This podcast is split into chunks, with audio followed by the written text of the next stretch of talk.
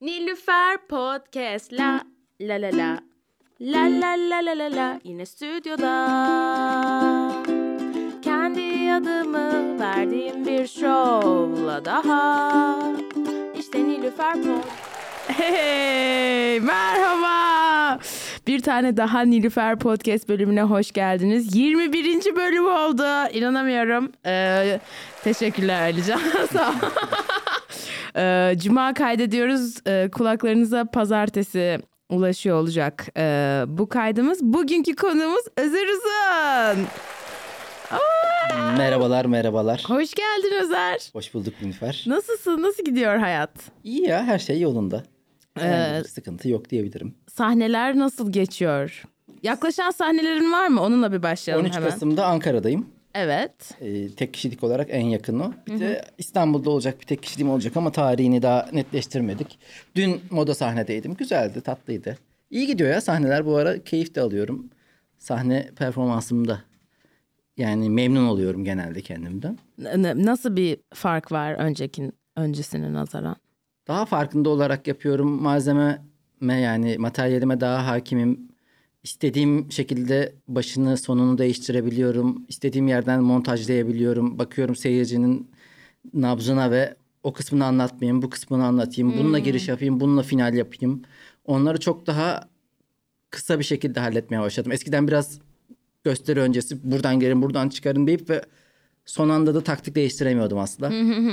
Bakıyorum, izliyorum. Seyirci biraz anlamaya çalışıyorum. Ha, bu olabilir diye ona göre bir yol haritası çiziyorum. Ee, ben hep mesela setimi yazıp çıkıyorum yani. Benim onun başını ortasını son he- hepsini bilmem gerekiyor. O dediğin şeyi e, ben çok yapamıyorum yani benim için. Bence o çok büyük bir skill. Ben de öyleydim yani ama senin gibiydim. Çünkü o kaygıyı gideriyor. Ne yapacağını, nerede ne olacağını Evet. bazı bilinmezleri yok ettiği için bir kaygıyı gideriyor. Evet ama bir de bir yandan da hiç beklemediğin bir seyirci varsa ortam çok farklı bir şekilde se- senden önceki komedyen farklı bir şekilde bırakmışsa bu bence e, gecenin bazen daha sönük geçmesine neden olabilirken en azından e, o refleksi göstermek güzel oluyor. Ben de uğraştım ama yani bazen de cidden e, o riski almak gerekiyor. Ee, ezberin nasıl senin? Benim birazcık da ezber sıkıntım olduğu için de onu yapmam gerekiyor. Bunu yapabilmemin nedeni ezberin önemli olmadığının e, fark etmem ne oldu. O da aslında mesela bir doğaçlama dersi aldım işte Pınar Fidan'dan. Evet evet. Sen de geldin galiba hiç gelmedin mi? Yok hiç gelemedim ona. Şimdi orada Ankara'da oluyordum. aslında anlattığından bağımsız olarak nasıl anlattığınla alakalı böyle birkaç tane e, antrenman şey e, ne denir ona? Training şeyi var, e, metodu var. Heh, metodu var. o metotlardan birinde setini sadece mesela e, bıcırca anlatıyorsun. Yani senin kendi setin, kendi şakan. Başı sonu o belli ama onu o kelimelerle değil de böyle kendi bulduğun uydurma kelimelerle tonlamalıyı vererek yapmaya çalışıyorsun mesela. O tonlamayı doğru yaptığında, bıcırca yaptığında dahi güldürebiliyorsun. Kendi bulduğun kelimeler derken uydurma. Uydurma. Gerçek olmayan. Bunu o şakanın e, işte e, rhyme'ına uygun bir şekilde, doğru şekilde anlatırsan e, yeni reaksiyon alabiliyorsun. Bu şunu fark etmene neden oluyor. Sahne sanatında sadece söylediğin önemli değil, nasıl aktardığın önemli. Hatta daha fazla önemli. Evet evet. O yüzden çok ben hani eskiden kafamda ezberim yapayım, şunu mutlaka söylemeliyim gibi bir e, kendimi şartlayarak çıkıyordum. Bu zaten bir ket vuruyor sana. Eğer o e, onu söylemezsem yanlış yaparım korkusuna hatta söylemediğinde unuttuğunda geriye döneyim düzelteyim derken iyice sıçıp batırdığın da olabiliyordu. Şimdi hiç umurumda değil yani bir cümle eksik söylemişim. Zaten seyirci bilmiyor ya ne söyleyeceğimi. Bunu eksik söyledin yalnız burada bir şey daha. Önemli olan nasıl oldu. O yüzden çok takmamaya çalışıyorum ezbere. Anladım. Biz arkadaşlarla şey konuşurduk böyle hani sence stand-up e, yüzde kaç materyal yüzde kaç performans? Ve genelde böyle şey diyorduk yani böyle yüzde 75-80 performans yüzde 20 materyal falan. Sence ne bu yüzde? Ya yüzdeyi çok direkt veremem. Yani bir kesin uydurum oluyor da Evet, hissim evet. olarak yani sana yakın. Evet şu an öyle düşünüyorum. Ha, ama bu bu arada o gecenin e, iyi geçmesiyle alakalı. Fakat bir de söylediğin sözün kalıcılığı, söylediğin sözün insanların beyninde yere aktarılması, başka birilerine ulaşması, aa bak böyle bir şey dedi bu hayatta var denmesi. O da başka bir kısmı bu. Mesela Gibi dizisinde çok aşırı şaka yok ama Gibi dizisinin o gerçek dünyasında izliyor musun bilmiyorum. Maalesef sadece ilk bölümü izleyebildim. Herkes de o en kötü bölüm diyor. Ya genel olarak enerjisi öyle o dizinin ama çok gerçekçi her şey. Gerçekçilik içerisinde olduğu için o gerçekçilikten gerçekçilik içerisinde kurulan bazı cümleleri gün içerisinde aa bak deyip tekrarlayabiliyorsun. Bu da şuna neden oluyor. Ee, o diziyi sen kendi hayatında çok fazla yerde tekrar e, callback etmiş oluyorsun. evet. Şimdi şakalarda da evet ge- dün gece bir komedyen izledim güzeldi deyip oradan mutlu ayrılmak güzel bir his. Bir de ama oradan birkaç cümlenin de akılda kalması o yüzde yirmi beşin öneminin aslında farklı bir şey olduğuna inanıyorum ben. Yani birkaç cümle de söyleyip insanların cebinde kalırsa o bence yüzde yirmi beşin etkisini uzun vadede artırıyor. Evet biz bunu e, Emrecan'la da konuşmuştuk. Podcast'te değil de e, normal sosyalde böyle. O da şey diyordu yani hani yani evet hani komik olması güldürmesi güzel de hani bir şakanın hatırlanıyor olması çok çok daha değerli. Ee, evet ya aslında senin bence hani ya geldiğin için çok teşekkür ediyorum. Ee, benim hani bu podcast'teki hani bu podcast'i yapma heyecanım yani e, Türkiye'deki hani stand up e, yapan insanları stand up kültürünü birazcık da buranın tarihini hani bu işin e, kısa tarihini de e, öğrenmek falan filan ve senin aslında çok büyük bir hani yerin var en azından deneyimin var Türkiye'deki mizah olarak aslında senin Zaytung'dan başlıyor değil mi Evet. bu maceran? Tam olarak Zaytung'dan başlıyor. 2009'da makine mühendisiyim ben. Hayatımdan nefret ediyorum o anlamda.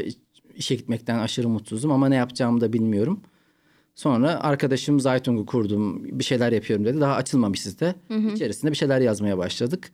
Ve Sen on- yazar mıydın peki önceden? Yazmayı sever miydin? Tabii, tabii. Yazan biri miydin? yani ekşi sözlükte yazıyordum. Zaten biz Zaytung'u e, başından beri olan beş arkadaş hep hepimiz ekşi sözlükten tanışıyoruz. Onun öncesinde forumlara da yazardım. Yani e, onun öncesinde de ben okulda, lisede kompozisyon yazıyordum. Kompozisyonların hepsi sınıftaki yazılan kompozisyonlarla dalga geçen böyle e, mizahi sataşma içerikli oluyordu. Aa çok iyi. Dinliyordum onların hepsini. Dinlerken oradan aldığım işte doneleri kompozisyon içerisine yerleştiriyordum. En sonunda bakalım hadi Özer ne diyecek diye benimki okutulurdu hoca tarafından. Ben de onlarla dalga geçen, onların işte üzerine şaka yapan bir kompozisyon yazardım. Aa, O zamandan beri severdim ama bunun bir şeye dönüşeceğini asla bilmiyordum. Çünkü 80 kuşağıyız biz. 80'lerde bunların nasıl profesyonellikte karşılığı olduğunu hiç bilmediğimiz için yoktu da muhtemelen zaten o zaman. Yoktu yani. da böyle bilinç ben lisedeyim. Ee, ya mühendislik yapmak istemiyorum işte gazetecilikle ilgilenmek istiyorum diyorum ama mesela bir reklam yazarlığı dışında bir yazarlık olduğunu bilmiyorum. Halbuki ben Beyaz Show'da çalıştım daha sonra. Beyaz Show'un yazarı olduğunu bilmiyordum neredeyse yani o yıllarda. Ha. Yani böyle bir iş varmış. o yüzden mesela onun hayalini kurmadığım için ya da tek yapılabilecek şey film yazmak, reklam yazmak gibi düşünüyordum. Onun da eğitimini almazsan yapamazsın diye tamamen uzaktım. Şans eseri Zaytung'la beraber o orada mizahi içerik üretmeye başlayınca iş başka bir yöne döndü. Peki Ekşi'nin ilk dönemlerinde de mi vardın? Tabii 2002'den beri Ekşi Sözlük'te yazarlığım var. Aa, çünkü böyle en, ya ben böyle Ekşi'nin bir işte başlangıcı ile ilgili bu kurucularının böyle YouTube'a bir video düşmüştü böyle bir iki sene önce belki daha fazla. Ee, orada böyle işte ilk arayüz neye benziyor 8-9 kişi falan var. Evet, Sen evet. o kişilerden miydin? O birinci kuşak. ben dördüncü kuşağım. Ee, dördüncü kuşağa kadar biraz alımları zaten çok az tutuyorlardı. Ben 99'dan beri biliyordum ek sözlüğü ama çok zor yazar alıyorlardı gerçekten. Dördüncü, üçüncü kuşağa kadar hatta çok zor aldılar. Dörtte biraz fazlalaştı. Altıda miğferdi bir alımı diye bir şey deniyordu işte o zaman. İşte miğferdi bir yazar alımı diye deli gibi açtılar. Ondan sonra yazar şey ek sözlüğün biraz çehresi değişti. Sonra zaten artık bambaşka bir yer haline ucu kaçtı. geldi. Evet. E, yani eğlenceli bir platform olmamaya başladı. O dördüncü kuşaktan itibaren varım ki ben o zaman çok eğlenceli olduğunu düşünüyorum. Mesela Nazmiye Demirel bilenler varsa dinleyenlerden çok sevdiğim bir yazardı. Ee, yani onun da yazılarını takip ediyordum. Onun gibi birkaç yazar daha vardı. Merakla takip ettiğim. Böyle ek sözlük o anlamda bir insanların buluşma noktası olmuştu. Peki şey dedin e, lisede böyle komik kompozisyonlar yazıyordum falan dedin. Yani o zaman sen o zamanlar kom- komiktin yani hani lise döneminde de böyle komik. Ne oldu sonra? Yani e, hani bu yani şunu, şunu merak ediyorum. O zamanlar komiktin. Peki bu ne zaman başladı senin için? Hani lisede okey komikti. Ortaokulda da böyle Evet. miydin? İlkokulda da Hayır, böyle miydin? Hayır ben Malatya'dan Ankara'ya taşındık 3. sınıfta. 4 ve 5'i Ankara'da okudum. Yani ilk 3 yılı Malatya'da okudum. 4-5'i Ankara'da okudum. 4. ve 5. sınıfta aşırı sessiz pısırık olduğum için eee, Bir coping mekanizm. şey dedi hoca dedi ki işte ö, velini çağır. Velim geldi. Oğlunuz çok pısırık. Hiç konuşmuyor. Biraz açılması lazım. Biraz iletişim kurması lazım. Ben tabii çok içime dönüyüm o zaman. Ondan sonra ama yani aile içerisinde biz geniş bir aileyiz. Arkadaşlarımla oradaki akrabalarımla çok komik bir ortam var. Orada daha rahatım ama bir yabancılaşmıştım yani. 4 ve 5'te. Ee, orta birde bunu son yazdığım öykü kitabında da yazdım ama başka bir şekilde yani girişi benzer sonu öyküde farklı fakat gerçekte şu ben bir gün ortaokulda bir şaka yaptım. İnanılmaz gülündü. Bu şakayı e, ya derste bir şey söylenip gülünmesi o kadar hoşuma gitti ki derste sürekli şaka yapmaya başlayan adam oldum. Yani hocayı dinliyorum, dersi dinliyorum. Derse ma- mani olmuyor asla. Ama es verdiğinde timing olarak tak, Tak. böyle bir şaka yapıyorum. Kahkaha geliyor, mutlu oluyorum. Hocalar da gıcık olmuyor buna asla. O ilk şakayı hatırlıyor musun? Tabii ki. Ya, Neydi? yani zaten onu öyküde de yazdım. Kötü bir espriydi ama hayvan gibi güldüğünde çünkü çok sert bir hoca, disiplinli bir hoca. Dersinde çıt çıkmıyor. Ondan sonra muhasebe dersi diye bir ders alıyoruz. Böyle müfredatın saçma sapan değiştiği yıllar. Muhasebe dersi verilesi gelmiş o zamanlar. Ortaokulda. Orta birde evet. Aydınlık Evler Mehmet Akif Ortaokulu. Hoca geldi Oğuz Hoca hatta hatırlıyorum. Böyle kıvırcık saçlı uzun boylu sivri hatlı bir adam. İşte anlatıyor ve fiş almamız gerektiğine dair uzun uzun örnekler veriyor. Yani o kadar sıkıcı ki ders ve konuşamıyorsun. Herkes böyle mum gibi oturmuş. İşte arkadaşlar kasaba gittiniz. Dana eti aldınız. Fiş almalısınız. İşte koyun eti aldınız, fiş almasınız. Tavuk eti, kaz eti, işte e, bir ne eti var başka aklıma Dana, gel- e, kuzu. yok. Hindi eti. Hindi, Örnekleri uzatıyor da uzatıyor, uzatıyor, uzatıyor. Artık böyle hani e, insanı iyice kendini parçalayasıya diye ben şöyle parmak kaldırdım. Hocam insan eti ya dedim. Aa, sınıftakiler hayvan gibi güldü tamam mı? Güzel bir şakaymış ya. E, güzel tabii. Yani Hoca- 6. sınıfta bir çocuğun düşünmesi için bence çok iyi şaka. Düşün ya orada gene o şey e, tansiyonlu ortamda yapılması önemli. Yani timing aslında önemli. Evet, evet. Tam böyle denk geldiği için insanların da artık bunalmışken onu bardan taşımasının neden olduğu için çok kahkaha aldı. Ben ortaokulda, lisede sürekli şaka yapan adamdım. Hmm. Ee, üniversitede de öyleydi. İşte klasik. Açıldın yani orta Evet. o ilk şakadan sonra. Ya oradaki yabancılığımı attım diyeyim aslında. Ya zaten evde ve diğer e, kendi ortamımızda normaldim ama okulda yeni gelmişim şehirdeki e, şehirli çocuklar daha böyle Malatya, Ankara metropole gelmiş oluyorsun. O farklılıktan dolayı geriliyordum. Ondan sonra sürekli şaka yapan adam haline geldim. Bu, yani ortaokul arkadaşlarım da, lise arkadaşlarım da, üniversitedekiler de öyle hatırlarlar beni. yani şey diye bahsedilir ya hep yani işte komedyenlerin hepsi sıkıntılı işte hepimizin çocuklukta bir bir, bir sorunu bilmem nesi olduğu için işte bu bir e, yo- hani uzlaşma ya da yozlaşma değil de bu bir hani hayatta hani mücadele e, şeysidir tekniği hani yolu öğrenilen bir skilldir yani derler hani miza. Ee, senin aslında hani aileden değil de daha çok böyle hani o ortam değişiminden Ama ötürü bir. ailemle alakalı sorunlarım vardı. Ee, yani Malatya'dan gelişimiz de öyleydi biraz. Çok açmayacağım bu konuları ama yani Tamam. o kısmı var. Hatta benim bütün arkadaşlarım da yani o dönemde ortaokul, lise hep aileyle alakalı e, daha sorunlu insanlardı.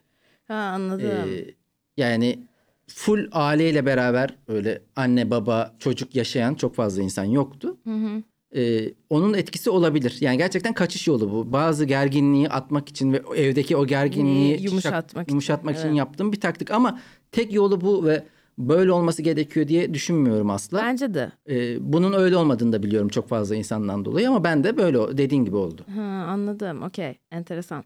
Peki sonra üniversiteye gittin. Makine mühendisliği okudun. Evet, evet. Ee, sonra mezun oldun. işe girdin. Tabii mühendislik e, önce Ostim'de bir endüstriyel mutfak firmasında daha sonra gene Ankara Kazan'da bir e, prefabrik bina da tasarım mühendisi olarak çalışıyordum.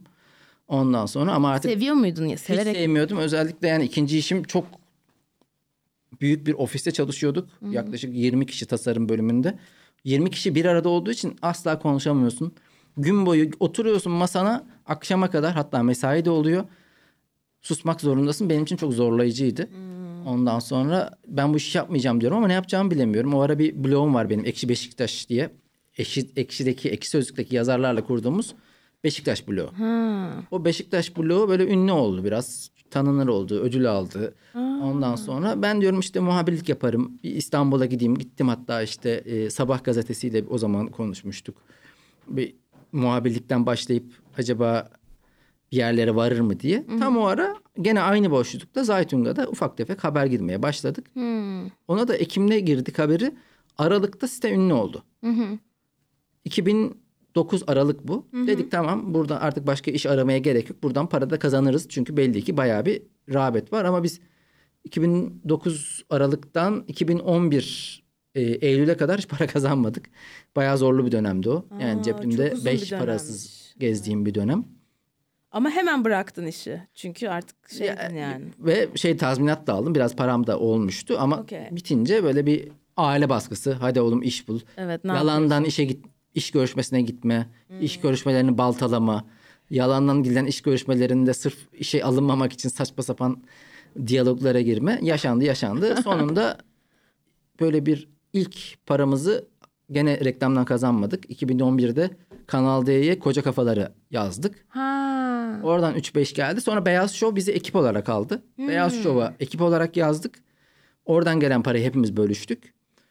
Bir sonraki senede zaten ben kendim şahıs olarak girdim Beyaz Show'a. Tek olarak devam et. Ee, Zaytung'da para kazanmaya başladı. Doğuş Holding'le işbirliği yaptı. Böyle yıllık reklamlarımızı onlar satıyorlardı. Bize zaten standart bir paket para veriyorlardı. Fena değildi yani. Sonra zaten iyi oldu yani Zaytung anlamında. 2011'den çalıştım son 2016'ya kadar maddi anlamda yükümüzü tutma, tutmamızı sağladı yani. Anladım. Ya şeyden biraz bahsetmek ister misin? Hani e, Beyaz Show'da yazmak nasıldı? Oraya giriş sürecin, Hmm. e, oradaki hani yazım sürecin nasıl geçti senin için? Neler yapıyordunuz yani hani Güzeldi. nasıl bir metodunuz vardı haftalık?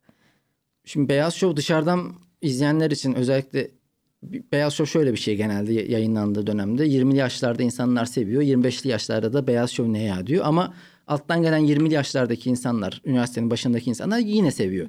Çünkü biz popüler insanları çağırıyoruz. O popüler insanlar da o yaşlardaki insanlara hitap eden insanlar olduğu için severek izleniyor. Ama 25 yaşına geldiğinde artık televizyondaki ya da ünlü insanlar o kadar ilgi duymadığın için bunları niye izleyeyim de- dediklerinden dolayı o kuşak gidiyor. Sürekli bir alttan gelen ve bitmeyen bir mecra. İzleyenler de burun kıvırır ve burada o kadar da çok hazırlanmış bir şey yok diye düşünebilir. Halbuki 3 saat canlı yayın toplamda böyle ana konuk, yan konuk, işte sosyal medya konuğu, şun bunu 10-15 konuğun olduğu E, bir Üç saat canlı yayın çok büyük bir olay cidden. Evet ve televizyonda oluyor. Şimdi biliyorsun Evet. bizim gecelerde çıkıyoruz. İşte dedim ya az önce seyirciyi anlamaya çalışıyorum. Anlamaya çalıştığım kişi sayısı 50, 100, 150. Burada 70 milyona, 80 milyon işte o zaman kaçsa yayın yapıyorsun. Yani onun Van var, Karadeniz var, Akdeniz var, Ege var. Hepsi farklı kültür ve hepsini kapsayıcı olmak zorundasın. Şimdi bunun zorluğu, kelimelerini seçmen gereken o e, hassasiyet çok fazla. O yüzden cidden büyük iş. Yayın sırasında peki sen e, orada oluyor, bulunuyordun değil mi? Biz yayına kadar kalıyorduk. Yayından sonra istersek kalırdık, istersek giderdik. Bizim bizlik bir durum olmuyordu. Peki şey yani o ortamda hiç bulunma şansın oldu mu o hani Çekimde mi? çekimde Çok canım, çok. yani çekim arkasında Çok. hani reytingler izleniyor tabii herhalde değil mi? Takip ediliyor yayın sırasında. Ya izleniyor, takip ediliyor ama ona göre bir hareket edilmiyor. Normal Edilmiyor, akış evet. neyse onu belirliyor. Biz hafta boyunca onu yapıyoruz. Önce şöyle zaten Beyaz Şov'a ekipler her zaman çalışırdı. Ee, hatta şöyle komik bir şey var. Ben e, Zaytung'dan ayrılınca bir site daha kurdum Pekila. O zaman Beyaz Show'dan da ayrılmıştım. Ee, yani Zaytung'dan dolayısıyla Beyaz Show bana ulaşmıştı. Bize ulaşmıştı daha doğrusu. Öyle bir başlangıç olmuştu. Pekila'yı da başka bir şekilde kurdum. O zamanlar yavaş yavaş bir şeyler yazıyordum oraya. Pekila'ya da ulaştı Beyaz Show. Sizinle görüşebilir miyiz diye. Yani iki taraftan iki farklı bilinmeyen işten ulaşmış oldu bize.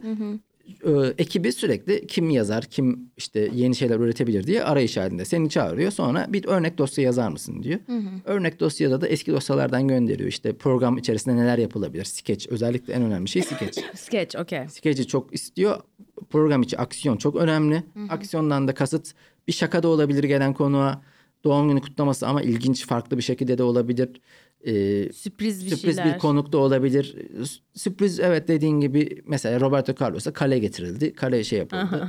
Hep anlattığım bir hikaye var. Ee, Elçin Sang. hayır Elçin Sangu değil. Soyadı Elçin olan biriydi galiba. Fransız asıllı bir oyuncu var unuttum adını. Ee, o adam geldiği bölümde ben şöyle bir şey yazmıştım. O bölüm 6-7 konuk var. Dedim ki her bir konuğun ilkokul arkadaşını bulalım. Çünkü Facebook'un popüler olduğu yıllar. insanların ilkokul arkadaşıyla buluştuğunun konu olduğu yıllar. Hepsinin ilkokul arkadaşını bulalım. Bu adama da normal bir adam getirelim. Yani normal birini getirelim ve ilkokul arkadaşı gibi Diyelim. davransın. Bakalım şey olacak mı? Hani nasıl davranacak? Ben bunu tanımıyorum mu diyecek. Şimdi Yoksa ha, abi nasıl? Hepsi böyle gerçekten ilkokul arkadaşını getirdiğimiz için aa Hakan, aa Ayşe sarıldılar, konuştular falan filan. Bu adama da getirdik birini böyle bir, bir şey ben hatırlayamadım ama falan filan o sarı samimi davranıyor falan böyle bir şaka yaptık. Şimdi böyle şeyler de yazıyorsun. Bunu bir önden yazıyorsun. Beğenirse alıyor ekibe seni. Beğenmezse almıyor. Onun 18 yıllık yazarı vardı iki tane. Kaan Cengiz ve e, Turhan Arda. Bizim Zaytung'dan iki arkadaşım vardı. Ben beşinci olarak katılmıştım. Ondan sonra ha- şöyle oldu Beyaz Show'daki delilik. Biz girdiğimizde ilk Zaytung olarak girdiğimizde çarşamba günü, cuma günü program ya. Çarşamba günü dosya atıyoruz. Perşembe günü soruları yazıyoruz. Cuma günü programa gidiyoruz. Çekim bitiyor. Aa, okey. Ama yıl aldıkça o çarşamba salı oldu. Salı pazartesi oldu. En son artık biz pazar günü yazmaya başlıyoruz. Hatta eğer büyük konuk geliyorsa büyük konuk da şöyle MFÖ gibi ya da Ata Demirer gibi böyle e, önemli, önemli konuk olduğu düşünülen böyle daha üzerine çalışılması gereken biri diye düşünülüyorsa cumartesi başlıyoruz. Şu da, o da şu demek cuma zaten bitirmişiz cumartesi yeniden başlıyoruz. Bizi çok yoran bir süreçti. Ee, dosyalar şöyle ilk üç gün işte skeç fikirleri ve aksiyon fikirleri. Başlık başlık. İşte e, kim konuk olsun Ata Demirer dedim az önce. Neyle geldiler? İşte onların o fasulye bu fasulye iki buçuk lira denilen şarkı hangi şey e, film hangisiydi? Ha, bilmiyorum. Ben de film ismini hiç hatırlayamadığım için. Neyse o filmle alakalı şöyle bir skeç yazılabilir. Başlığı yazıyorsun. Okey. Toplamda bir cümle, iki cümle. Sonra aksiyon şöyle yapabiliriz. Toplamda iki cümle. Bir de şöyle bir sokak röportajı yapabiliriz. Şöyle bir montaj yapabiliriz. Ee, sadece rejinin yapabileceği, hiç skeç çekilmesine gerek olmayan masaüstü dediğimiz bir iş yapabiliriz. Atıyorsun. O okeylenen aksiyonlar diye sana geliyor gün sonunda. Sen evden mi çalışıyordun? Evden. Ha, evden, Evden çalışıyordun. çalışıyoruz. Okeylenen aksiyonlar geliyor. Özelden almış. işte e, Olkan'dan almış. Kaan'dan almış. Alınanları görüyorsun. Pazartesi yine, salı yine, çarşamba yine. Perşembe de soru günü. Gelen bütün konuklara soru yazıyorsun. Perşembeyi de öyle kapatıyorsun. Cuma günü saat 6'da şeyde toplantı kanalda. Hep beraber bütün ekip var. Reji, Yani haftada bir, bir gün sadece hep birlikte Evet. toplanılıyor. O da programdan önce. Orada da büyük toplantı, reji, prodüksiyon, yazarlar hep beraberiz. Beyaz başında çıkıyor diyor ki işte arkadaşlar işte geçen hafta şöyle oldu. Bu hafta buna dikkat edelim. Reji sen şunu yapmıyorsun. Prodüksiyon bak böyle dikkat olmalısın. Sonra fikirlere geçiyoruz. Bunu yaparız. Bu kalsın. Bunu beğendim. Sonra en son zaten skeçler perşembe günü bittiği için en Evet çünkü pre-taped olması gerekmiyor mu skeçlerin? Önceden çekilmesi gerekmiyor işte çekiyoruz zaten salı çarşamba çekiyoruz. Cuma günü anca bitiyor montajı. Hadi hep beraber e, izleyelim. skeçleri izleyelim. İyi olunca aşırı neşeli oluyor ortam. Herkese böyle Aa, falan Yaptık. filan diye. Ama düşükse hmm, böyle bir karın ağrısıyla girilen bölüm oluyor. Çünkü o eldeki cephane Yapacak Elde şey yok. cephane yoksa eğer tamamen beyazın om- omuz- omzunda bir yük olarak çıkıyor bu iş. Hmm. Orada kendisi kotarmak zorunda. Ama cephanesi varsa kullanmasa bile cebinde durduğu için bir rahatlık veriyor ya. Hadi şimdi bir de şunu izleyelim. Bir de o öyle bir şey olduğunda çok seviniyordu. Ulan e, o gelsin diye bekliyor, yükseltiyor. Girmeden önce aşırı köpürtüyor ve izlenince de çok mutlu oluyordu. Evet. Süreç böyle ilerliyordu ama çok yorucuydu gerçekten. Hatta ben hasta oldum o dönem artık bu hem Zaytung'da da e, yoruluyordum, burada da yoruluyordum. Eklem iltihabı oldum stresten. Çünkü Oha. psikolojik bir şey vardı. e, Tansiyon. tansiyon vardı. Beyaz'la çalışması o anlamda zordu işte. Çok bize karşı her zaman saygılı, iyi davranıyor ama iş anlamında profesyonelliğin ötesinde de küsebiliyor. Duygusal. Duygusal bir gerilim oluyordu. Yani bize asla kötü davranmıyor ama memnun değilse pazar pazartesi gelenlerden salı çarşamba konuşmuyordu bizle. Böyle bir sürekli e, o ilişkiyi yaşadığımız için çok yorulmuştuk hepimiz ekip olarak. Evet. E, çıktık e, yani çıkarken bir yorgunlukla çıktık ama şöyle beyaz büyük bir kütüphane mizah anlamında Türkiye'de. Yani bizim konuştuğumuz her şeyi Amerika'dakini, İngiltere'dekini hepsini biliyor, takip ediyor. Yapılabilir, nasıl yapılabilir e, çok iyi e, adapte ediyor. Ve sen bir fikir götürdüğünde bak onu 97'de yaptık, onu 2007'de yaptık, onu işte Amerika'da bu adam yaptı, İngiltere'de bu adam yaptı. E, genelde söylediğin şeyler ya düşünülmüş ya yapılmış oluyordu. O anlamda da büyük bir kütüphaneyi kısa sürede sen de edinmiş oluyorsun. O anlamda bence çok değerli. Kendisini bu konuda çok fazla göstermiyor aslında ama e, hem araştırmacı hem titiz. Çok titiz bir çalışan e, şeydi yani bu mizah emekçisiydi gerçekten.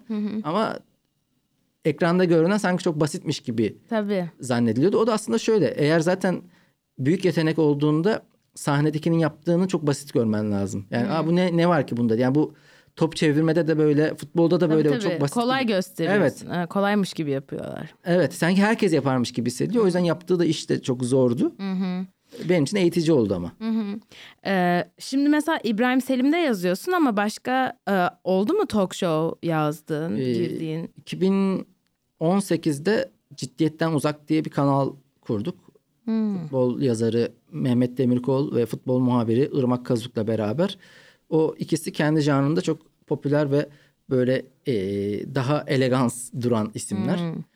E, ikisi de iyi okullardan mezun, genel kültürleri çok yüksek. Her konuya hakimler, sadece futbol veya spor değil. Sporun her dalına hakimler. Ama mesela e, ikisiyle de mizah da konuşursun. Mehmet abi özellikle bütün stand-up'lara hakimdir. E, onunla da konuşursun. O yüzden e, onlarla futbol değil her şeyin olduğu bir program yapalım dedik. O zaman da 2018 yılı artık böyle 2016'daki olaylar referandum, cumhurbaşkanlığı seçimi, ülkedeki karışıklık maalesef bunlar çok üst üste geldiği için ben de dedim ki artık insanlar bu politik ve e, ciddi şeylere bir tavır yani sıkıldılar. Evet. Sürekli bunlardan konuşuyor. Siz de zaten yıllardır NTV'desiniz. Öyle görünüyorsunuz işte daha ciddi kıyafetlerle. Dedim ki ciddiyetten uzak bir şey yapalım. Programın ismi ciddiyetten uzak oldu. Kanalın ismi daha doğrusu. Konuk almaya Bu başladık. YouTube kanalı mı? YouTube kanalı. Böyle YouTube'da ünlü konuk alalım hadi konuşalımın herhalde ilk örneklerinden bir tanesi. Hmm. Ee, ilk konuğumuz Ata Demirer. Ondan sonra Beyazıt geldi. İşte e, İbrahim Büyükak, Oğuzhan. Bütün böyle Türkiye'de mizahla alakalı iş yapanlar geldi. Ya da işte şarkıcı da geldi. Onlarla ciddiyetten uzak sohbetler e, etmek üzere. Daha YouTube formatı yani öyle büyük prodüksiyonlar yok. Küçük e, birkaç tane de işte Jimmy Fallon'dan bildiğimiz o aşina olduğumuz sonradan daha da popülerleşen oyunları da oynattığımız bir format yaptık. Eğlenen, eğlendirici ve e, benim için de keyif aldığım bir iş oldu. Bir yandan da iyi de takipçi ve iyi de izlenme elde etti. 2018'de Dünya Kupası'nda işte güzel e, sponsorlu işlere de imza attık Dünya Kupası ile alakalı. Güzeldi. Bir yaptım talk show'u ama benim asıl ilk talk show'um Beyaz Beyaz'dan önce. Hakan Bey. Hakan Yılmaz adlı bir tiyatro oyuncusu var. Bilirsin belki bilmezsin ama sen çok oralarda bir yabancı e, Hemen fotoğraf yurt bakayım. dışında olduğun için ayrısak da beraberizin e, starı. Ha idi. biliyorum biliyorum. Ha. Oradaki beyefendi ATV'de bir talk show yaptı. Biz ilk talk show'um odur. Hatta o talk show'da işte bizim Zaytun ekibi ve Aziz Kedi ve Feyyaz Yiğit hep, hep beraber çalışıyorduk. 2011 senesinde ilk talk show oydu. Sonra Beyaz Show, sonra işte Beyaz Show'dan sonra ciddiyetten uzağa yaptık. Ee, ondan sonra bir arada talk show gibi bir şey. Ha Ceyhun Yılmaz'la bir şey yaptım. Hmm. Ee, bir de en son İbrahim abiyle devam ediyorum hala. Evet devam ediyorsun. O süreç nasıl geçiyor? Şu an e, çünkü e, kanal değişti. Yani artık YouTube'da değil. E, çalışma sisteminiz de değişti tabii herhalde onunla. Ee, İbrahim abi çalışma sistemini tamamen farklı kuruyor. Yani şu, o diğer bahsettiğimiz işlerden daha farklı bir çalışma tarzımız var.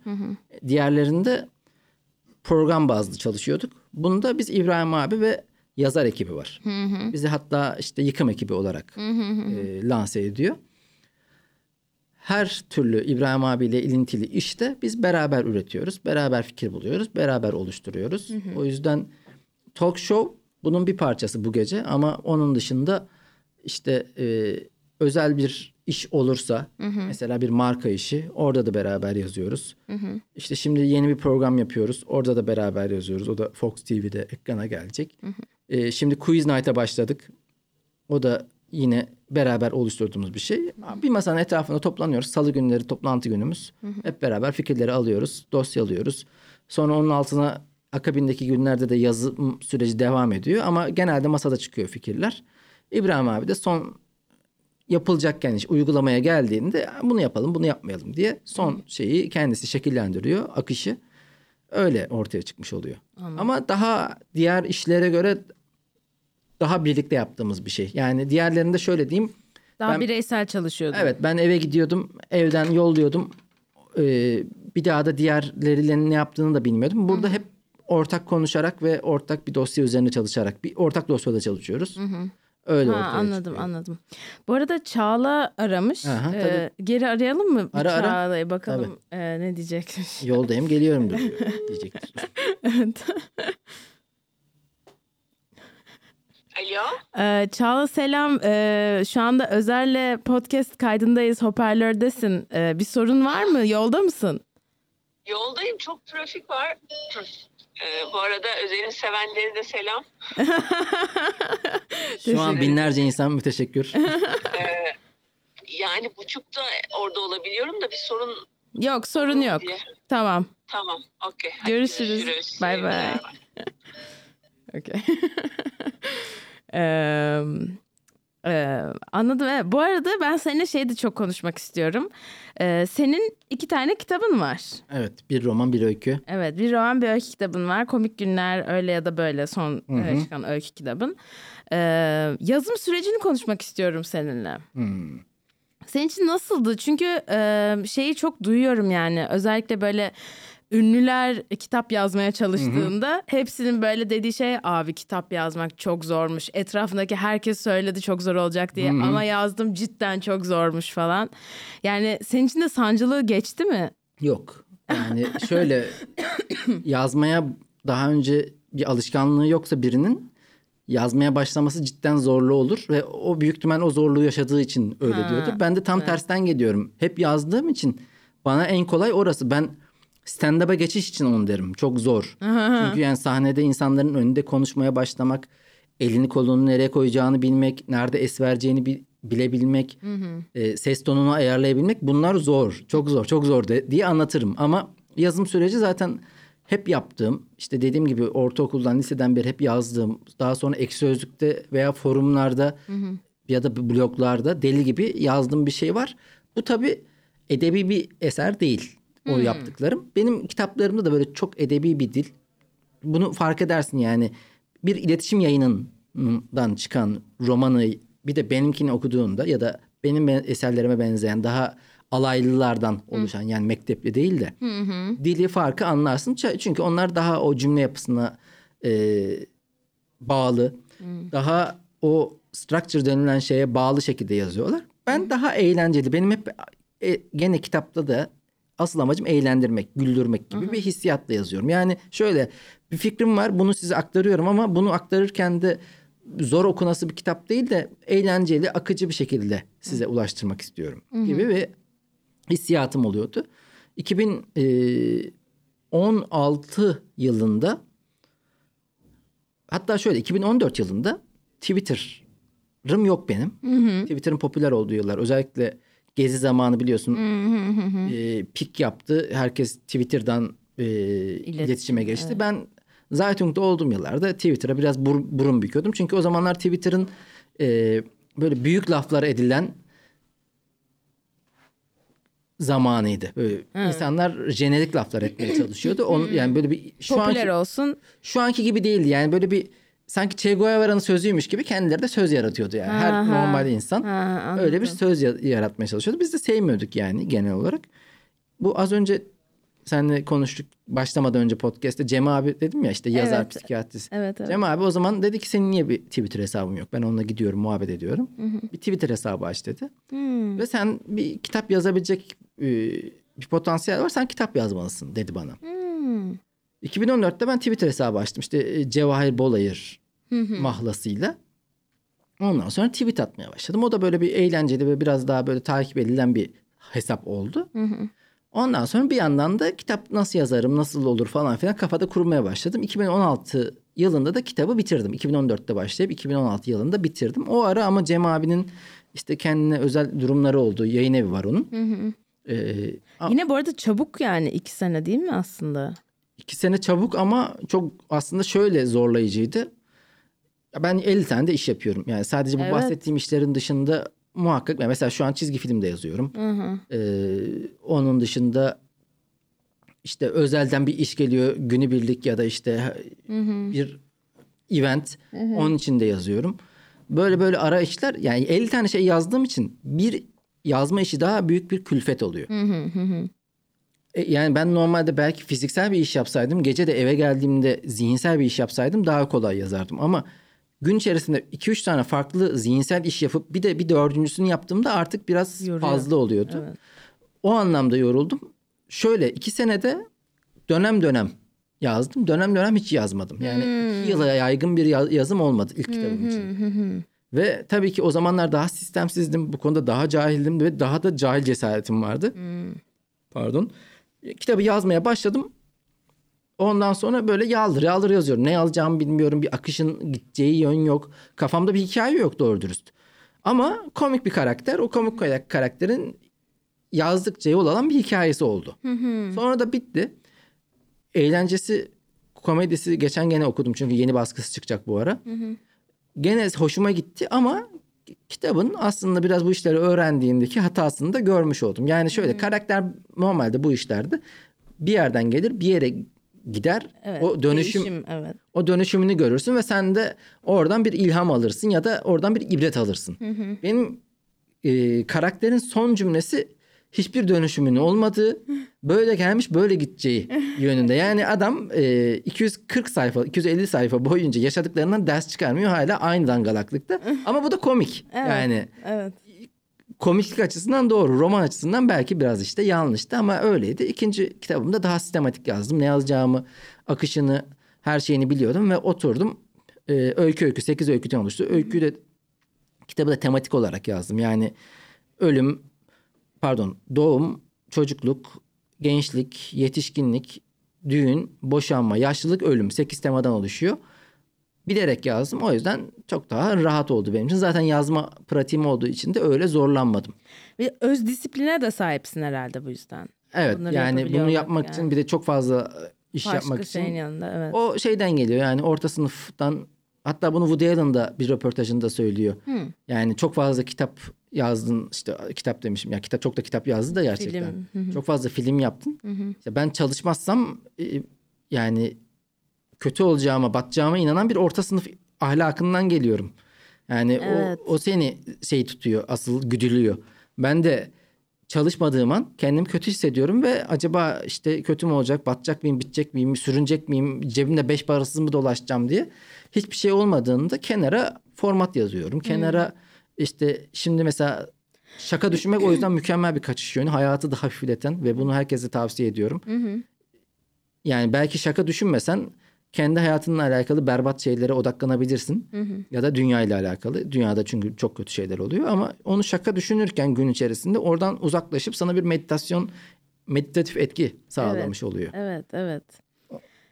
Anladım. O nedenle e, hep kendimi güdülemek zorunda olduğumdan gelen bir disiplinim oldu evet. Ne oldu evet. Ee, bu arada hayatında e, yenice bir şey var. Evlendin. Evet. Evet evlendin. 24 Eylül'de dünya evine giriş yaptım. Giriş yaptın. Nasıldı din? E, düğün yapmadık, nikah yaptık. Sonra basit bir eğlence yaptık. Eğlence e- enteresandı. Hiç bilmediğimiz bir yerde. Eskişehir'de ev- Evet. evlendim ben. Eşimin e, ailesinin ve olduğu yer, eşimin doğduğu, büyüdüğü yer. E, orası daha bize ortak geldi. Çünkü benim ailem İzmir'de, yakınlarım Ankara'da bir tarafımız Malatya'da Karadeniz var. Yani biz çok dağınız. İstanbul'dayım ben. Herkes Evet. toplayacağımız yer Eskişehir oldu öyle. Bilmediğimiz için de bir yer ayarladık mesela eğlence yeri. Ee, enteresan yüksek müzikli. Bar mıydı böyle? Ee, ya bir restoran. Program var, gece programı var. Hı hı. Nikahtan sonra oraya mı Evet, gittiniz? nikahtan sonra oraya gittik. Orada böyle bangır bangır müzik ve e, şarkıcı da inat etti. Eğlenceli bir şey çalmıyor. Yani böyle derdo derdo ya rica ediyorsun çal, şey yapmıyor söyle hayır.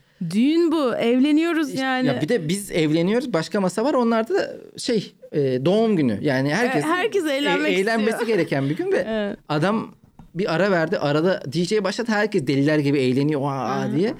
Ondan sonra o bitiyor gene adam Geri "Nı nı nı" diye. O öyle o gene komik oldu yani. evet evet evet. Ee, ne kadardır birlikteydiniz evlenmeden önce? E, iki sene. Aa iki sene. 2020 Temmuz'da başladı birlikteliğimiz. Ee, pandemi yani aslında Tabii pandeminin tabii pandemide göbeğinde. konuşmaya başladık. Ee, nasıl tanıştınız? Sorabiliyor İşte, muyum? Özel Ha, e, Instagram üzerinden de konuşmaya başladık. Konuşmaya başladınız. Ee, ne zaman anladın peki? Yani böyle galiba bu kişi Ya- olur yani yaparım. Şimdi ben İzmir'deydim. O İstanbul'daydı konuşmaya başladığımızda pandemi dönemi. Ailemle kaldığım dönem. Ee, Çok fazla dijitalde yazıştık. Ve o sohbet hep aktı. Hiç böyle şimdi ne desem ne konuşsam diye olmadı. Böyle bir e, buluşana kadar deli gibi bir e, yazıştığımız bir dönem oldu. Oradan ben zaten "Aa, evet yani çünkü e, hiç bir araya gelmeden dahi birçok konuşabilecek biri olması ortak böyle hayatından da benzer noktalar yakalaman öyle bir insanda öyle bir hisse. Love is blind diyorsun yani. Evet evet sonra buluştuk zaten hani diziyi biliyor musun bilmiyorum da yeni bir program çıktı da Love is blind. diye. ama Love is Blind'la alakalı ha pardon o başka bir şeydi.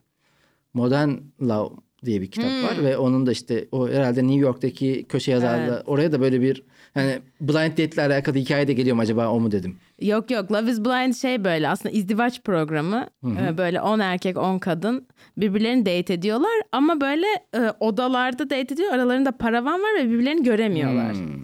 Birbirlerini görebilmenin tek yolu aşık olup e, birisi evlenme teklifi ederse. Oha. Nişanlandıktan sonra görebiliyorlar yani birbirlerini. ve aslında sen de yani görmeden hani fiziksel olarak anlamışsın yani bir Evet, şekilde. evet, evet, evet. Bence zaten zihinsel bir iletişim oluyor. O o daha beni şey yapıyor. e, Yükseltiyor. Yükseltiyor. Evet, o arada bir frekans var bence. Hani herkes için farklı olabilir. E, rakam verelim. 1.075, 1.25 bu büyüklük anlamında değil ama bir frekans var. Herkesin kendisine özel. O frekanslar denk gelince iletişim böyle akıcı sürekli halde oluyor. Evet. O yüzden bizim frekans o anlamda birbirine denk geldi. Akıcı bir soh şeyle çok eğleniyorum yani eşimle. Ay çok Yani güzel. o anlamda öyle en eğlendiğim insanlardan biri birincisi gibi. Ya çok güzel. O zaman anladın ve görünce de ha gerçekten Evet, olurmuş. Evet evet evet. Yani hiç öyle, öyle oldu aktı hemen. Peki e, nasıl evlenme teklifi ettin? Öyle bir şey oldu mu? Ee, şimdi şeyi anlatamıyorum o kısımları tam. Biraz şey yapıyorum. Ya hayır yani enteresan bir şey yok. Anlatırım sana programdan sonra ama şu komik yani gene benim hayatımdaki böyle her şeyin bir sakinliği bir eee, bence mizah hayatın olağan akışına sekteye uğradığı anlardır gibi bir düşüncem var. Yani olması gereken bir şey sekteye uğruyor. Bu şu da yani biz niye düşene gülüyoruz? Çünkü olağan akışta bakıyorsun herkes normal yürüyor. Birisi o olağan akışı bozuyor. Yani bu düşünce akışında Doğru da ya da tespit, yürüyüşte de her yerde böyle bence. Benim o anlamda e, evlilik teklifimde de bir gene e, sakinlik oldu. Şöyle şimdi evlilik teklifi yapacağım ama bir yerdeyiz yemek yiyoruz. Video çekeyim dedim ben çünkü hani fotoğraf çekemiyoruz. Video çekeyim oradan fotoğraf alır. Sanki hani yemek yerken bir fotoğrafımız olsun diye kandıracağım Büşra'yı. Koydum telefonu. Ondan sonra da işte yüzüğü açtım. Evlilik teklifi ettim. Restoranda. Ee, dışarıda bir, Ha, alan, bir dışarıda bir yerdeyiz. yerde. Hı hı. Ondan sonra ağacın kenarına koydum gibi düşün. On telefonu geldim evlilik teklif ettim. Güzel sofra kurmuştuk böyle e, peynirli şaraplı. Ha. Ondan sonra e, kabul etti şey yaptık. Ben gittim telefonu aldım baktım. Telefonda toplamda 3 saniyelik bir kayıt var. Ve sadece benim suratım gözüküyor böyle ah diye. Suratım Yer kalmamış herhalde telefonda. Hayır, e, basamamışım bir şey olmuş. O an heyecandan artık ne olduğunu Evet. bilmiyorum da sadece Açıp bas. kapamışsın herhalde. Evet, öyle bir şey var. İşte e, bizim bu evlilik teklifiyle alakalı elimizde kalan yani e, kenara almış olduğum tek şey bu. Hatta bir saniye bak. Evet. Sana gösteriyorum bu. bu benim evlilik teklifimden e, videomdur. Öyle bir tek... Belki paylaşırsın bizimle. Instagram'dan paylaşırız videoyu. olabilir olabilir. Aa, anladım. Peki e, bir tavsiyen var mı mutlu bir ilişki için? Ne gerekiyor sence? Ya hiç tavsiyelik bir şey değil. Cidden herkes çok farklı yaşıyor bunu. O yüzden bilmiyorum. Ee, ben şuna inanıyorum ama herkesin kendi yaşam alanında kendi uğraşısı, kendi kafasına e, da da bir dünyası olması gerekiyor. Ee, ama ortak bir araya geldiğinde de iyi iletişim sürdürebiliyorsan tamam ama o kendi dünyan, kendi alanın, kendi e, uğraşın yoksa birbiriyle uğraşmaya başlamandan dolayı çok zorlayıcı olabiliyor ilişkiler. Bunu daha önceki başka ilişkilerden de deneyimledim ya da gördüm insanlardan. Ee, hayatında odağına partnerini koyan insanlar da genelde e, onu çok didikleme, ilişkiyi çok didikleme, çok beklentiye girme, çok beklentiden doğan hayal kırıklığına uğrama gibi süreçler tekrarlandığı için sürekli yıpratıcı oluyor. Böyle sanki daha kendi dünyanda da bir şeyler yapıp ondan sonra Ya benim kafamda işte diyorum ama o mesela şaka düşünmek. Ben çünkü hep şunu düşünüyorum. Acaba hapse girsem sıkılır mıyım diye. Çünkü tam dışarı çıkmak güzel eyvallah ama ya şaka düşünürsün gene. Yani anladın mı? Yani her zaman olabilecek bir şey kenara bir not. O bir zihinsel e, pratik kafanda devam eden seni ayakta tutuyor aslında. Bir yandan o yüzden ben mizah harbiden iyileştirici gücü denilen şey varsa budur diye düşünüyorum. Anladım. Ee, bu arada e, küçük bir şey. Sen e, astrolojiye inanıyorsun değil mi? Yok ya. Öyle. İnanmıyor Ya musun? O şakam yaptım. Şaka yapmak için yolluk Aha, bir şey şaka yani öyle. sadece. Akrep burcusun. Akrep burcuyum. Yükselenin neydi? İkizler. İkizler. İkizlerin şöyle bir şeyi vardır. İnanmıyorum deyip. Anladım. Okey merak ettim. Mesela eşinin e, burcunu biliyor musun? Aslan. Aslan. Hı hı. Aslan akrep. Okey. Şöyle ben e, doğum günleri konusunda hafızamda bir geniş database var. Öyle mi? Seninki ne mesela? 1 Temmuz. 1 Temmuz aklımda kalır. Hatta 1 Temmuz'da kim var? E, benim üniversiteden arkadaşımın eşi. Bak şimdi. Okey. O Oradan bağladın. Oradan uzak bir aslında tanıdık ama Evet. şey. Çünkü 1 Temmuz sen oldun şimdi işte Şule. 15 Temmuz yakın arkadaşım Cengiz. 30 Temmuz yakın arkadaşım Selçuk. Bak 1 15 30 tamam. Ha, sen bütün kronolojik olarak Kronolojik olarak kafamda çok fazla şey var. Doğum günü var. A- a- Kutlarım muhakkak doğum günlerini arkadaşlarımın. Dikkat ederim buna. senin bu arada yaklaşıyor o zaman doğum günün. Evet. e, haftaya Ne zaman? 5 Kasım. 5 Kasım. Okey. Var mı bir plan? Yok ya, Kutlamayı öyle sever küçük- misin doğum gününü? E, ya çocukluğum bu konudaki aşırı çekingenliğimle geçti. Gençlikte dahil. Yani bizde hep böyle aman ne yapacaksın falan filan diye olurdu. E, bir gençliğimin bir döneminde Ankara'da kendi yakın arkadaşım, çocuk arkadaşımın barı var. Hala da var. Konur Sokak'ta, Araf'ta Faray. Orada artık böyle bir buluşma noktası olduğu için hani o gün oradayım. İşte yakın doğum günü olan başka arkadaşlarım da var. Hep beraber kutluyoruz Hmm. gibi bir durum oluyordu. Okey. Ama artık Ankara. Ee, şimdi Ankara bittiği için burada daha küçük oluyor. İşte hani e, geçen sene Büşra ile beraberdik. Bir pasta kestik. İşte Cemil Marki vardı. Öyle oluyor. Hani üç kişi, beş kişi. Küçük zaten İstanbul'da buluşmak çok zor bir şey. Yani bir ara- bir araya getirmek istedim. Evet ben, ben o- Ankara'da onu seviyordum. Bir tane barımız var. Akşam oraya gidince zaten biriyle buluşmuyorsun. Yani Nilüfer bu akşam çıkar mısın demiyorsun. Nilüfer de çıkıyorsa orada karşılaşıyoruz gibi bir durum oluyor. o yüzden Ankara'daki o durumu seviyordum. Şimdi burada öyle bir şey yok. How I Met Your Mother bar havası. Evet, evet. Ha, Her türlü orada end up edeceğiz yani. Ve orada evet end up da orada geçiş de orada. Yani bir yere gideceksen mesela yarım saat bekleme süren mi var? Hemen oraya gidiyorsun. Çay içiyorsun, bira içiyorsun. Sonra hayatına Yaşıyorsun. devam ediyorsun. Okey o zaman ilk segmentimize gelelim. Evet. Şimdi bunların Bölümdeki hepsi bir tek şey. segmentimiz. Ha tamam. evet gelelim hadi bakalım. Hadi bakalım. Magazin. Evet magazin takip eder misin? Twitter okuyan biriyim. Twitter'da takip ettiğim insanlar neyi favlıyorsa, neyi retweetliyorsa Onları görüyorsun. onları görüyorum. O kadar haberim var. E Bir de e, yaptığım işte talk show olduğu için bazen de ya bizim mesela serbest vuruş diye bir bölümümüz var. Haberleri takip etmemiz gereken. Şimdi aradayız. Sezon başlamadı henüz ama o yüzden biraz ara verdim ama haber taraması yaptığım dönemde her habere neredeyse hakim olmam gerekiyordu. Ben çok seviyorum magazin. O yüzden bu aralarda daha çok yerli magazin takip Hmm. ediyorum. Çünkü daha çok hani yabancıya maruz kalıyordum. Özellikle Amerikan falan onlara maruz kalıyordum. Ama artık takip ediyorum. Şimdi e, şöyle bir haber var. Evet. Ee, Ay, Ay Dilge'den Nüket Duru'nun tight çıkışına yorum. Oh, hiç haberim yok ikisinden. Artık bir dur diyelim mi? Demiş. Nüket Duru şöyle diyor. Nüket Duru herkes istediğini giyebilir ama ne olur bu tight olayına bir dur deyin artık. Açıklamasıyla gündem oldu. Tamam Nüket Dura böyle bir açıklaması var. Herhalde bir sosyal mecradan söylemiştir bunu büyük ihtimal. Yo bayağı videosu var böyle. Ee, o videoyu şey yapacaktım da story e, gitmiş herhalde dünden olduğu için. ee, Nüket Duru diyor yani işte hiç umurumda değil. Hani kim ne giyiyorsa giysin ama lütfen şu tight'ları giymeyin. Yani tuniğin altına oluyordu ama herkes böyle çorap gibi giyiyor. Hiç hoş değil falan yapmış böyle.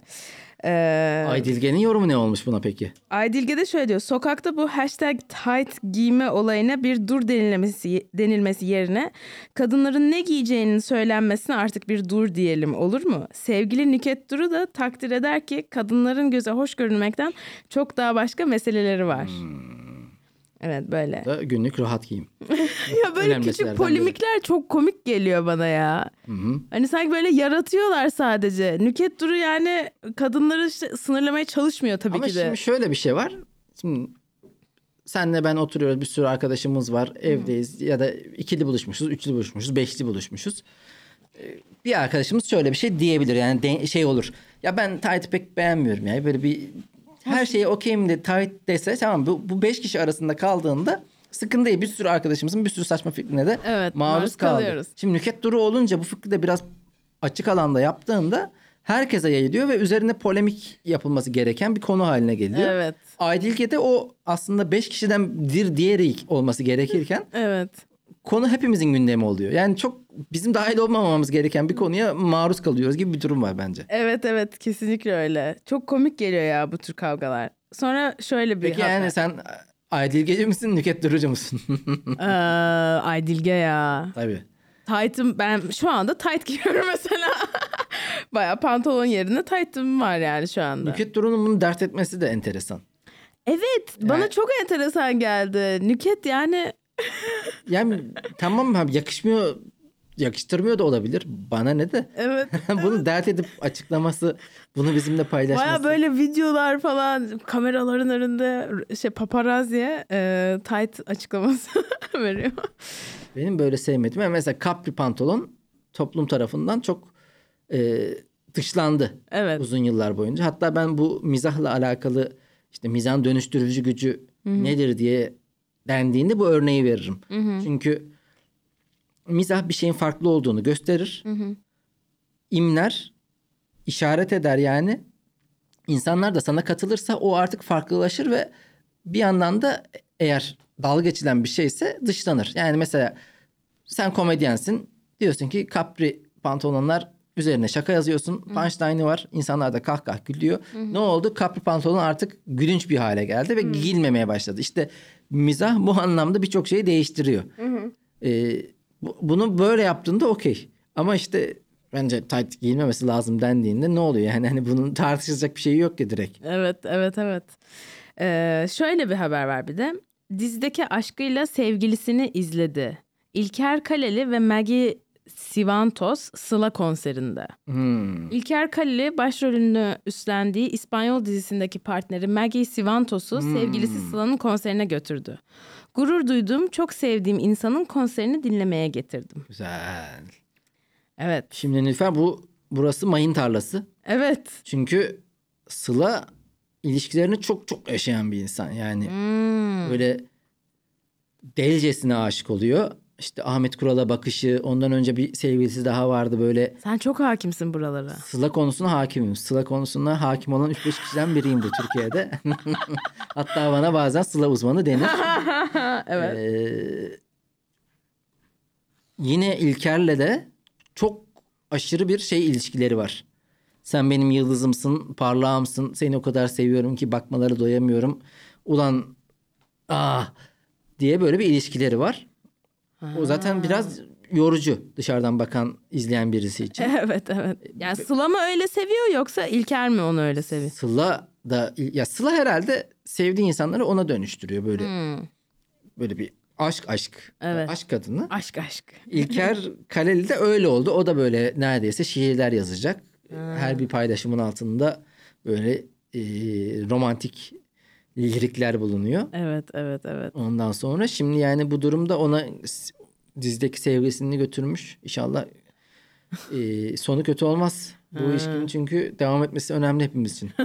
Sıla'nın sağlığı. Sıla evet çünkü biraz da kötü bir ilişki geçirdi biliyorsundur belki. Ah- bilmiyorum. Ahmet Kural onun bir önceki sevgilisi. O da bir komedi oyuncusu aslında ama e, artık şey yani Ahmet Kural darp etti Sıla'yı.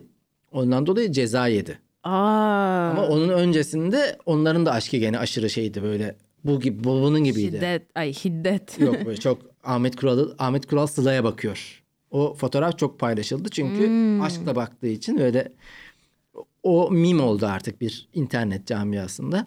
Fakat sonu ne yazık ki kötü bitti. Adam da zaten ceza aldı. Bayağı da o da e, piyasadan neredeyse silinme noktasına geldi. E yani. Yani. Ama işte e, İlker Kaleli dikkat etsin. Bu iş Evet öyle diziden manitaları getirip izlemek falan. Bilmiyorum sen şey olur muydun mesela düşünsene eşin eski sevgilisi. Yok aslında eski sevgilisi sevgili olmuyor. değil dizideki sevgilisi Evet, ya. O dizi, dizideki sevgilisi. Yani yok be hiçbir şey olmaz ondan. Ee, Evet. Bir de onlar o kadar çok mesela şimdi büyük ihtimal İlker Kaleli'nin tek işi de o değildir. Bir oyunu falan vardır bir şey de. Onun Evet. beş işinden biri olduğu için Evet evet. bir şeyin bir şeyi o. Evet evet Öyle evet. Çok karşılığı yok. Aynen. Okey şimdi son kısmına geldik e, bölümümüzün. Şarkı. E, hayır. Şarkısı yok mu buranın? Bu jingle girmiyor mu arada? Yok ama aslında yapmamız lazım ya. Evet ben buraya bir şarkı yazmam lazım. Ee, bu bölüm şöyle. e, James Lipton'ın Pürst'ten çaldığı şakaları benim de James Lipton'dan çaldığım e, ay şakalar diyorum. Sorular. Ha sorular. Karakter soruları aynen. Tamam. Ee, 10 tane sorumuz var. Hızlı hızlı. Karakter soruları derken Yani karakteri tanımak için. hmm, okey. Başlıyor. Bizim Kokoloji diye bir kitabımız var Okyanus Yayın Evi'nde. O da böyle bir psikolojik test. Acaba onlar mı dedim? Değil galiba. Sanmıyorum ya. Öyle test değil yani Aha, kesin. tamam. Okey ilk sorumuz. En sevdiğin kelime nedir? Yani Yazara sorması zor bir soru tabii. Ya mesela bizim podcast'imiz var Cemil Marki'de. Orada çağ kelimesini çok kullanıyorum. Çağ. Sevdiğim mi bilmiyorum. Çağ kelimesini bu çağ, bu çağda böyle çağın işte, işte öne çıkanı falan diye. İmtina kelimesini çok kullanıyorum. Hmm. İmtina etmek. Ee, başka ne olabilir? Okey çağ. imtina. Çağ, imtina bunları Okey. En az sevdiğin kelime. en az sevdiğim kelime. Hmm, dur bakayım. Hep karıştı. Söyleyemediğim kelimeler var benim. Şöyle söyleyemediğim. Dilin mi dönmüyor? Yok karıştırıyorum onu bir şeyle. Ondan sonra hep yanlışını söylüyorum. Ben bunu çok yaparım. Hatta e, stand-up'ta da anlatırken sahnede birçok kez kendime o yanlış kelimeyi kullandığımı sonradan fark ettiğim oluyor. E, onlardan bir tanesi hangisiydi mesela? Böyle Dur ya. Aklıma gelmedi şimdi. Çünkü oraya geldiğimde bunu böyle dememeliyim diye kendimi bir şartlıyorum. Bu soruya dönelim sonra bir Sonra dönelim. Tamam. Peki ne seni heyecanlandırır, yükseltir? Hmm, ne beni heyecanlandırır? Valla kalabalık bir seyirci heyecanlandırıyor ya daha ne olsun. Hani Evet. En net. Peki ne seni düşürür, iter? Mızmızlanan insan. Hmm. Etrafımda hiç mızmızlığı sevmem. Şikayet edilmesi beni, çok rahatsız eder. Hmm. Okey. Hangi ses ya da gürültüyü seversin? Hangi sesi severim? Gürültüyü. Ya bu konuda çok hassas biriyim. Diğer soruyu da söyleyeyim. Se- yani küçük seslere dayanamıyorum. o yüzden çok hassas biriyim. Küçük ses. Su akması yani şey ne akan bir nehir sesi diyeyim. O hoşuma gider. Peki hangi ses ya da gürültüden nefret edersin? Dişlerin böyle çekilmesi, Ha. yanımda sürekli burun çekilmesi.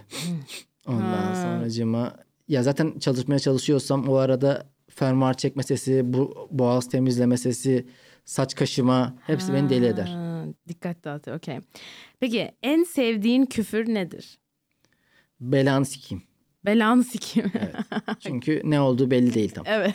Yani hani seksist diyemezsin buna. Hayır kesinlikle değil. Ee, şu anki mesleğinden başka hangi mesleği yapmak isterdin? Hangi mesleği yapmak isterdim? Yani ya- yazarlıktan tamamen farklı mı? Hı hı. Ne yapmak isterdim?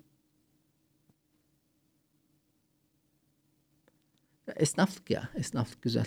Kendi dükkanın oluyor. Ha. Peki e, şimdiki mesleğinden başka hangi mesleği yapmak istemezdin? Hmm. Ya sabah 7'de 8'de kalkmak zorunda bırakılacak. Ben bu aralar full 7'de kalkıyorum. Sabah 7'de kalkıyorum ama bu zorunluluk olduğu anda çok çirkin bir hal. Hatta şöyle haftanın bir gün çekim var bizim erken kalktığımız. 6 çeyrek geçe falan kalkıyorum onun için. Öyle olunca çok rahatsız edici. Halbuki normalde de 6.45'te 7'de falan kalkıyorum. O zaman rahatsız edici değil. Çünkü Değil, evet. istersem uyurum. Aynen. Peki son sorumuz. Eğer cennet varsa incilerle kapılı kaplı kapılarına geldiğinde Tanrı'nın sana ne demesini isterdin? geç oğlum geç buyur biz de seni bekliyorduk. Güzel. Vallahi bu kadar. Bölümümüz böyle. Vallahi güzelmiş bölümlerimiz, çalışmalarımız. Ben keyif aldım. Evet teşekkür ediyorum geldiğin için. Ben teşekkür Ağzına ediyorum. sağlık. 20. 21. bölüm. Umarım Evet. vatana millete hayırlı olur. Hayırlı olsun. Amin. Ee, görüşürüz. Görüşmek üzere. Hoşça kal. Bay bay. Ciao. Nilüfer Podcast la la la la La la la la la la yine stüdyoda adımı verdiğim bir şovla daha. İşte Nilüfer Pod